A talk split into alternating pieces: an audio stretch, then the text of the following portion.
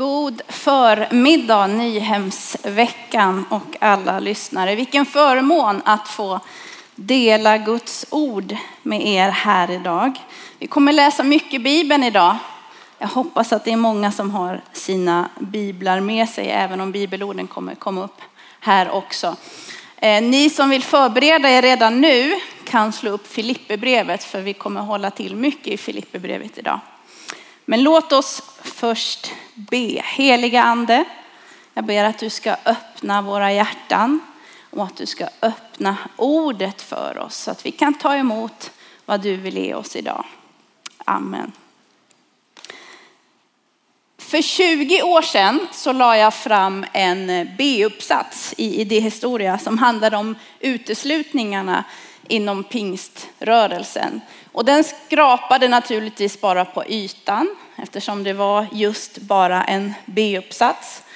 Och kortfattat och väldigt förenklat så kan man säga att uteslutningarna till stor del handlar om att bibehålla församlingarna rena och helgade och att den individuella helgelseprocessen sågs mer som ett ögonblicksverk vid frälsningstillfället än just som en livslång process.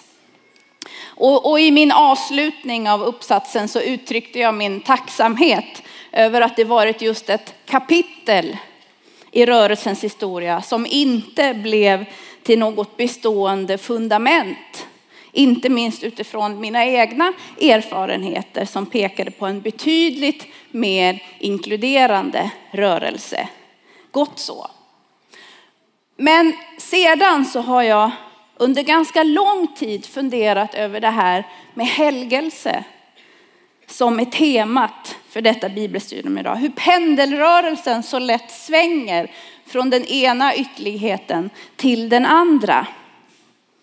Från helig, helig, helig till kelig, kelig, kelig är Herren Sebaot. Och lite av en beröringsskräck till allt som kan sorteras inom måsten och borden inom vår tro, inom vår bekännelse.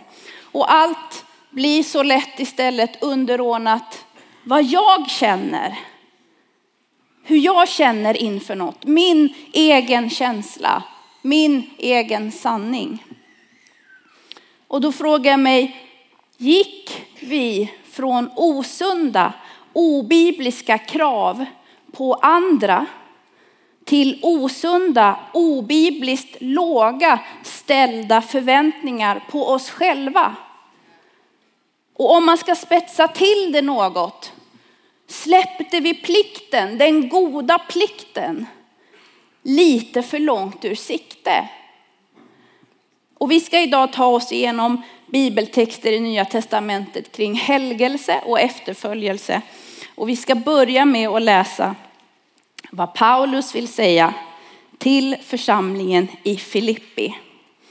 Och idag kommer jag läsa lite större.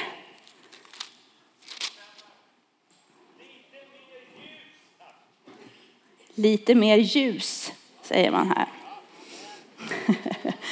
Filippi, ja det är, lite, det är sant, lite mer ljus om ni ska kunna läsa era biblar. Det är nog en fördel. Filipperbrevet 1 och 27 ska vi börja i. Där står det så här. Se bara till att ni lever på ett sätt som är värdigt Kristi evangelium, vare sig jag kommer och besöker er eller inte. Låt mig få höra om att ni står fasta i samma ande och samma sinne och kämpar för tron på evangeliet utan att på något sätt låta er skrämmas av motståndarna. Det blir för dem ett tecken på att de går förlorade medan ni blir frälsta och det av Gud. Ni har ju fått nåden att inte bara tro på Kristus utan också att lida för hans skull eftersom ni har samma kamp att kämpa som ni såg att jag hade och nu hör att jag fortfarande har. Vi ska gå direkt till andra Filipperbrevet 12. Därför, mina älskade, ni som alltid varit lydiga, inte bara när jag var hos er, utan ännu mer nu när jag inte är hos er, arbeta med fruktan och bävan på er frälsning. För det är Gud som verkar i er, både i vilja och gärning för att hans goda vilja ska ske. Gör allt utan att klaga och tveka så att ni blir fläckfria och rena, Guds oskyldiga barn mitt i ett falskt och fördärvat släkte där ni lyser som stjärnor i världen och håller fast vid livets ord. Bibeln är full av aktiva uppmaningar kring oss, till oss och vår gudsrelation. Och vilka konsekvenser vår gudsrelation borde få ha i våra liv. Vi kan inte komma ifrån det. Lev värdigt, står det.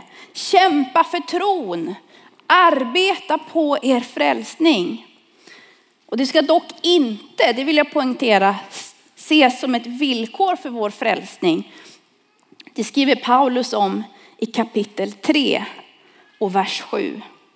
Där står det så här. Men allt det som förr var en vinst för mig räknar jag nu som förlust för Kristi skull. Ja, jag räknar allt som förlust för jag har funnit det som är långt mer värt. Kunskapen om Kristus Jesus min Herre. För hans skull har jag förlorat allt och räknar det som skräp för att vinna Kristus och bli funnen i honom. Inte med min egen rättfärdighet, den som kommer av lagen, utan med den som kommer genom tron på Kristus, rättfärdigheten från Gud genom tron.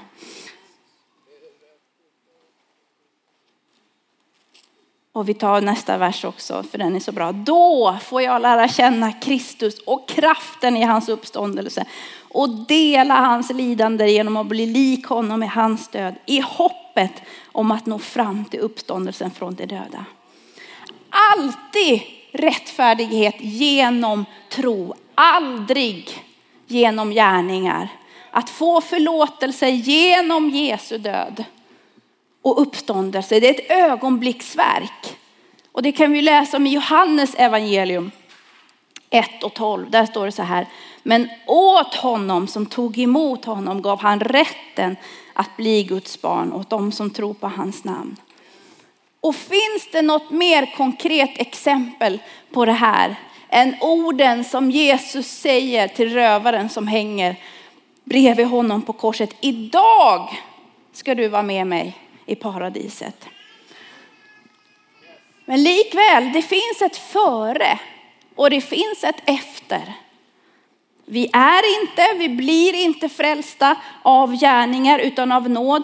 Men det har aldrig tänkt att stanna där. Frälsningen är ju inte målet, frälsningen är startskottet. Vi är tänkta att bli mer och mer Kristuslika. Och det är tänkt att vara en process som fortgår genom hela livet under resten av våra liv. Och nu ska vi gå till Efesiebrevet.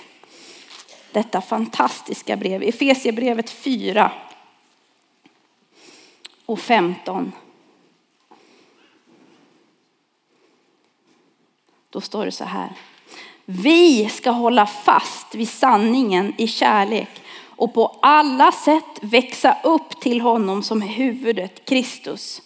Av honom fogas hela kroppen samman och hålls ihop genom det stöd som varje led ger er med den kraft som är fördelad åt varje enskild del. Så får kroppen sin tillväxt och bygger upp sig själv i kärlek. Därför säger jag detta och varnar er i Herren. Lev inte längre så som hedningarna lever. Deras tankar är tomma, deras förstånd är förmörkat. De är främmande för livet i Gud därför att de är okunniga och förhärdade i sina hjärtan. Avtrubbade kastar de sig ut i orger och ägnar sig åt all slags orenhet och får aldrig nog. Men det är inte så ni har lärt känna Kristus. Ni har hört om honom och fått undervisning i honom enligt den sanning som finns hos Jesus. Därför ska ni lämna ert gamla liv och lägga bort den gamla människan som går under, bedragen av sina begär. Låt er förnyas till ande och sinne och klä er i den nya människan som är skapad till likhet med Gud i sann rättfärdighet och helighet. Och halleluja och tack och lov för det här vill jag säga. För det är ju det här, det är ju vandringen med Jesus som livet finns, som glädjen finns, som kraften finns. Vilken oerhörd förlust för alla som uppfattar den här uppmaningen som kravfylld, som pliktfylld. Kanske blir det så om man ser på det som att följa ett regelverk, som något som läggs på oss. Men det är ju så långt ifrån sanningen som vi kan komma. Det handlar om hur liv läggs ner inom oss, väcks upp inom oss genom på nyttfödelsen av anden. Skapad till likhet med Gud står det. Det är vi. Gud vill vara med oss i processen, ta oss vidare. Det är inte i vår egen kraft som det sker. Som vi läste i Filipperbrevet 2 och 13. För det är Gud som verkar i er. Både vilja och gärning för att hans goda vilja ska ske. Det är fantastiska ord. Det är Gud som verkar i oss. Andens verk som hela tiden leder oss framåt hjälper oss att komma vidare. Ingen av oss blir någonsin färdiga. Och det är precis som det ska vara. Inne i dig öppnar sig valv bakom valv oändligt som Tranströmer diktade. Vilket betyder att det alltid finns mer att upptäcka med den heliga ande. Och nu ska vi gå till Kolosserbrevet. Första kapitlet. och från vers 9. Från den dag vi hörde det har vi därför inte upphört att be för er. Vi ber att ni ska bli fyllda av kunskapen om hans vilja med all andlig vishet och insikt. Målet är att ni ska leva värdigt Herren och behaga honom på alla sätt genom att bära frukt i alla slags goda gärningar och växa i kunskapen om Gud. Då ska hans härlighetsmakt styrka er och ge er all kraft till att vara uthålliga och tåliga i allt. Med glädje ska ni då tacka Fadern som har gjort er värdiga att få ta del i det arv som de heliga har i ljuset.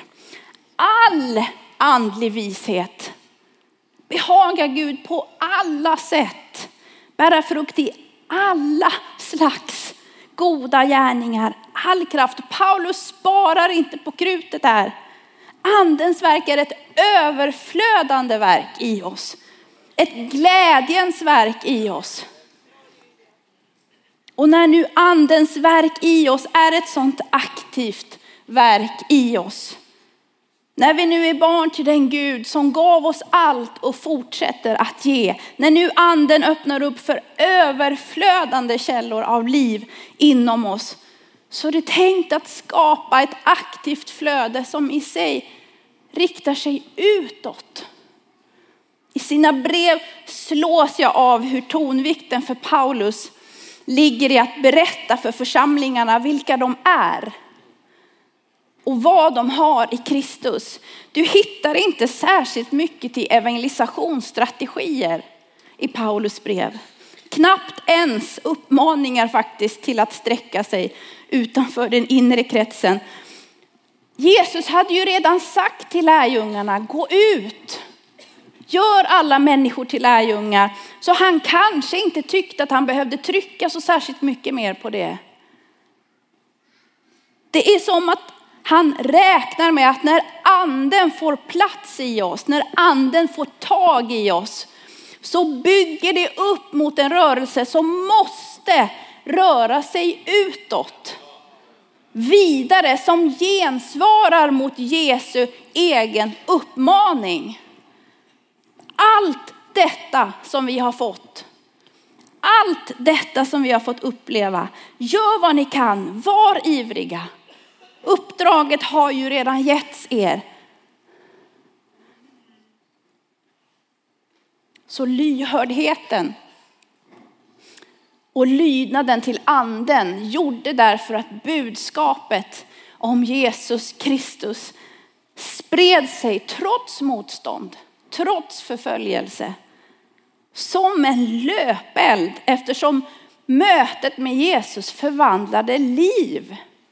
Bokstavligen. Och nu ska vi gå till andra Petrusbrevet i det som brukar kallas Petrus andliga testamente, sa jag första. Andra Petrusbrevet kapitel 1 och från vers 3. Hans gudomliga makt har skänkt oss allt vi behöver för liv och gudsfruktan genom kunskapen om honom som har kallat oss med sin härlighet och godhet. Genom dessa har han gett oss sina stora och dyrbara löften för att ni genom dem ska få del av gudomlig natur sedan ni kommit undan det fördärv som på grund av begäret finns i världen.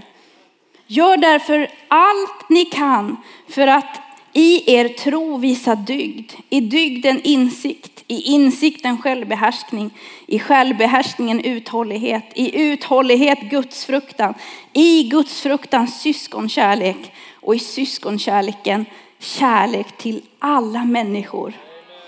För om allt detta finns hos er och får växa blir ni inte overksamma eller utan frukt i er kunskap om vår Herre Jesus Kristus.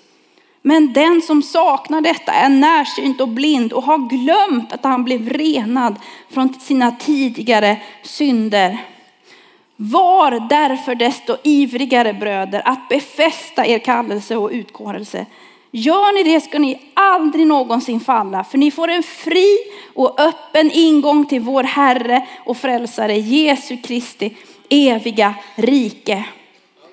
Därför tänker jag ständigt påminna er om detta, trots att ni redan vet det och är befästa i den sanning som ni har. Jag ser det som min plikt att väcka er med mina påminnelser så länge jag är kvar i detta tält. För jag vet att jag snart ska lägga av med mitt tält. Det har vår Herre Jesus Kristus visat mig. Men jag vill göra vad jag kan för att också ni efter min bortgång alltid ska minnas detta. Vi har fått allt vad vi behöver. Gud har gett oss stora och dyrbara löften. Men samtidigt varnar Petrus här för hur lätt vi kan glömma. Trots att det borde vara så självklart och tydligt för oss. Ni vet det här, skriver Petrus. Men jag tänker fortsätta tjata på er. För om vi inte rör oss mot Gud så tappar vi vår styrfart och börjar istället driva bort. Bara genom de nedslag i bibeltexter som jag hittills visat går det att se en tydlig röd tråd. Allt är dig givet. Det kostar dig inget. Du kan inget betala. Men samtidigt måste det få kosta allt. Samtidigt är det värt allt. Genom hela nya testamentet så finns det tydliga uppmaningar. Håll fast, fortsätt, prioritera, kämpa. Du har getts något av evighetsvärde som är tänkt att skänkas vidare. Och vad Paulus och de övriga brevförfattarna gång på gång manar till är att hålla sig nära Gud. Att dricka av källan, ständigt låta sig förnyas.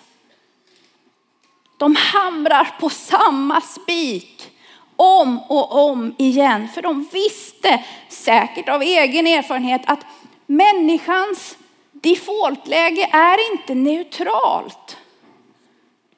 Vår mänskliga konstant, vår mänskliga natur är inte att stanna nära Jesus, för vi lever i världen och världen drar i oss. Så vi rör oss utåt. Vi rör oss bortåt av oss själva. Världen, synden präglar oss så, vare sig vi vill eller inte. Det finns inget stillastående, neutralt läge för människan. Vi rör oss mot Jesus eller vi rör oss bort från Jesus. Vi måste därför välja vår rörelse. Det är ett aktivt val vi måste göra och inte bara en gång, utan gång på gång på gång. Och kanske har det lite i detta individens tidevarv blivit så att en del av oss har slängt ut barnet med badvattnet. När skammen så utpekandets ok bröts. När vi gjorde upp med alla borden kring våra liv, kring våra vanor, bön, bibelläsning, givande, tjänande och tog till oss nåden alena på livets alla områden så blev det som att det som skulle innebära frihet blev ett annat slags ok. Det kan för all del vara skönt att slippa pumpa upp vatten ur brunnen varje gång man behöver vatten. Men gör man det inte så tar vattnet snart slut. Ingen lag, därför ingen plikt, men därför kanske också grunda rötter. De rötter som skulle vara näringsupptaget till vår kraft och vår glädje i Herren. Vi ska gå till Hebreerbrevet. Vi ska läsa en kort vers där. Hebreerbrevet kapitel 12 och vers 14. Där står det så här. Sök frid med alla och helgelse. För utan helgelse kommer ingen att se Herren. Ordet som används här för helgelse betyder heliggörande och visar just på den aktiva process som livet som bekännande kristen är. Visst kan det låta hårt. Utan helgelse så kommer ingen att se Herren. Utan heliggörelse kommer ingen att se Herren. Men egentligen är det ju ganska logiskt. Om vi inte söker oss nära, om vi inte själva vill ha en relation med Herren. Om vi inte vårdar den relationen så kommer inte anden kunna verka i oss. Vi har ju valt det själva. Se, jag står vid dörren och knackar. Om någon hör min röst öppna dörren ska jag gå in till honom och hålla måltid med honom och han med mig. Är det säkert många som har hört citeras från Bibeln, men det finns en rad innan också. Hela bibelversen, Uppenbarelseboken 3. Den börjar i Uppenbarelseboken 3 och 19. Då står det så här. Alla som jag älskar tillrättavisar och tuktar jag. Visa därför iver och vänd om. Se, jag står vid dörren och knackar. Om någon hör min röst och öppnar dörren ska jag gå in till honom och hålla måltid med honom och han med mig. Vi behöver aktivt gå mot strömmen. In mot Guds hjärta. Lyssna på andens maningar. Göra, välja att göra vad Jesus befallt oss till att göra. Ett liv i lydnad är ett liv i utveckling. Alltid framåt. Inte i egen kraft, inte i egen förträfflighet. Utan närmare inåt genom att ge plats för den heliga ande i våra liv. Och här tror jag att många av oss behöver återerövra goda andliga vanor. Sluta försöka uppfinna hjulet själv om och om igen. Eller kanske sluta låtsas som att vi inte behöver något hjul överhuvudtaget. Ja, men vad ska man göra då? kanske någon frågar sig, ja men så fiffigt att vi har möjlighet att läsa om vad vår mästare Jesus Kristus själv uppmanar oss till i Matteus evangelium kapitel 6. Och från vers 1, där står det så här. Akta er för att göra era goda gärningar inför människor, för att bli sedda av dem. Då får ni ingen lön hos er far i himlen. När du ger en gåva ska du inte basunera ut det så som hycklarna gör i synagogorna och på gatorna för att bli ärade av människor. Jag säger er sanningen, de har fått ut sin lön. Nej, när du ger en gåva, låt inte din vänstra hand veta vad den högra gör. Då ges din gåva i det fördolda och då ska din far som ser i det fördolda belöna dig. Och när ni ber ska ni inte vara som hycklarna som älskar att stå och be i synagogorna och i gathörnen för att synas inför människorna. Jag säger er sanningen, de har fått ut sin lön. Nej, när du ber, gå in i din kammare och stäng din dörr och be till din far som är i det fördolda. Då ska din far som ser i det fördolda belöna dig. Och när ni ber ska ni inte rabbla tomma ord som hedningarna. De tänker att de ska bli bönhörda för sina många ords skull. Var inte som dem, för er far vet vad ni behöver innan ni ber om det. Och så kommer Herrens bön sen, det hoppar vi över. Och så hoppar vi till vers 16. När ni fastar, se då inte dystra ut som hycklarna som vanställer sina ansikten för att visa människorna att de fastar. Jag säger er sanningen, de har fått ut sin lön. Nej, när du fastar, smörj in ditt huvud och tvätta ditt ansikte så att inte människorna ser att du fastar, utan bara din far som är i det fördolda. Då ska din far som ser i det fördolda belöna dig. Jesus säger, när du ger, när du ber, när du fastar, inte om du ber, om du ger, om du fastar. Det är en aktiv uppmaning, bokstavlig uppmaning, inte bildlig till oss. Egentligen är det inte så svårt att ta miste på den. Det här är ju något bra, att Jesus är så tydlig. Vi ska inte ta det som, som något hot mot oss. Det är för vår skull.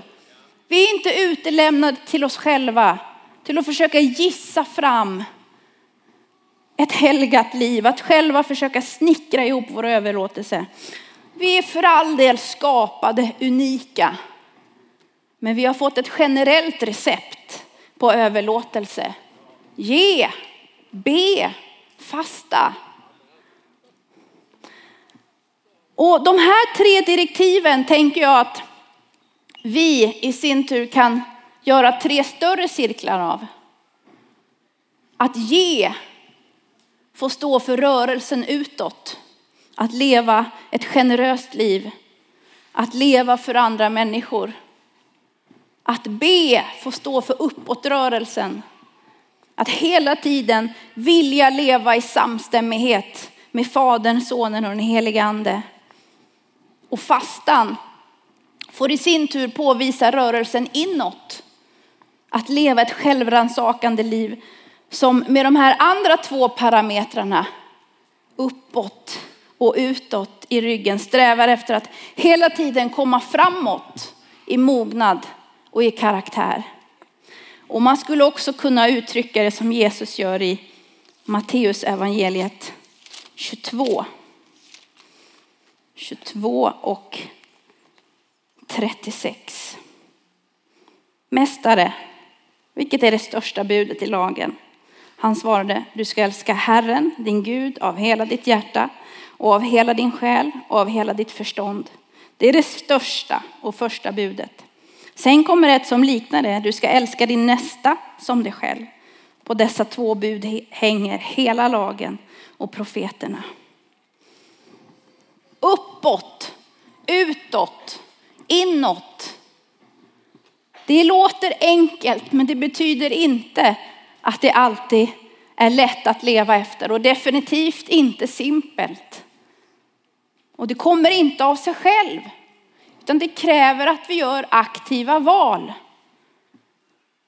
Och det här är något av ett helgelsens hjul. Mitt fokus mot Gud, den tid jag lägger i bön, i bibelläsning, i lovsång, i stillhet. Det gör mig känslig och uppmärksam för när anden manar mig ut till andra människor och stärkt av andens kraft törs jag agera på det som jag uppfattar. Att möta behov, om de så är andliga, själsliga eller praktiska. Att vara Jesu händer och fötter här på jorden. Och i den kontakten, både med Gud och med andra människor, skapas insikter i mig själv om hur jag själv fungerar. En längtan efter att komma vidare. En önskan om att bli mer lik Jesus. Att bli mogen nog för att våga se mina svagheter för vad de är istället för att bortförklara. Och hur det i sin tur leder till en desperation efter att få skala bort de här egensinnigheterna, bristerna och tillkortakommanden som Jesus kärleksfullt pekar på i mitt liv när vi tillbringar tid i hans närhet. Att öppna upp sig för förändring, förvandling. Anden kanske manar mig att blåsa liv i en nådegåva. Eller utmanar mig att öppna mina händer och ta emot mer. Och sen igen komma tillbaka till tacksamheten till vår skapare. När vi märker att det bär. När vi upptäcker att vi är älskade och sedda precis som vi är. Men att det samtidigt finns mer för oss. Lovsångsteamet kan ta och komma upp. Fascinationen över Guds nåd och storhet.